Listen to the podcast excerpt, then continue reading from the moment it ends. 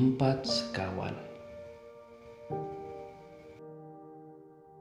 Pungli, uang pelicin, suap, dan gratifikasi.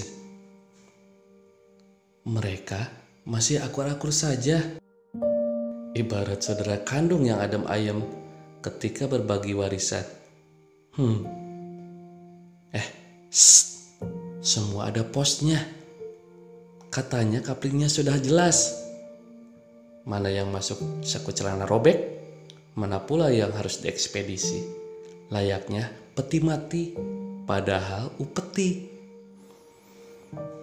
Yang diam katanya selemah-lemahnya iman, si bijak bersuara. Atau bisa jadi sudah lama mati rasa karena termasuk penikmat sejati. Walah, sungguh sempurna casing mereka. Entah oplas di mana. Ini penyakit menular. Ih, jaim awalnya. Sesudahnya, asal sama-sama tahu saja. Lalu, ke mana para penerus nenek moyang kita?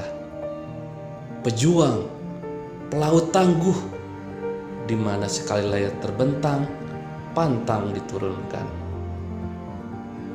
Huh, apa itu sudah jadi barang antik tertata rapi begitu apik?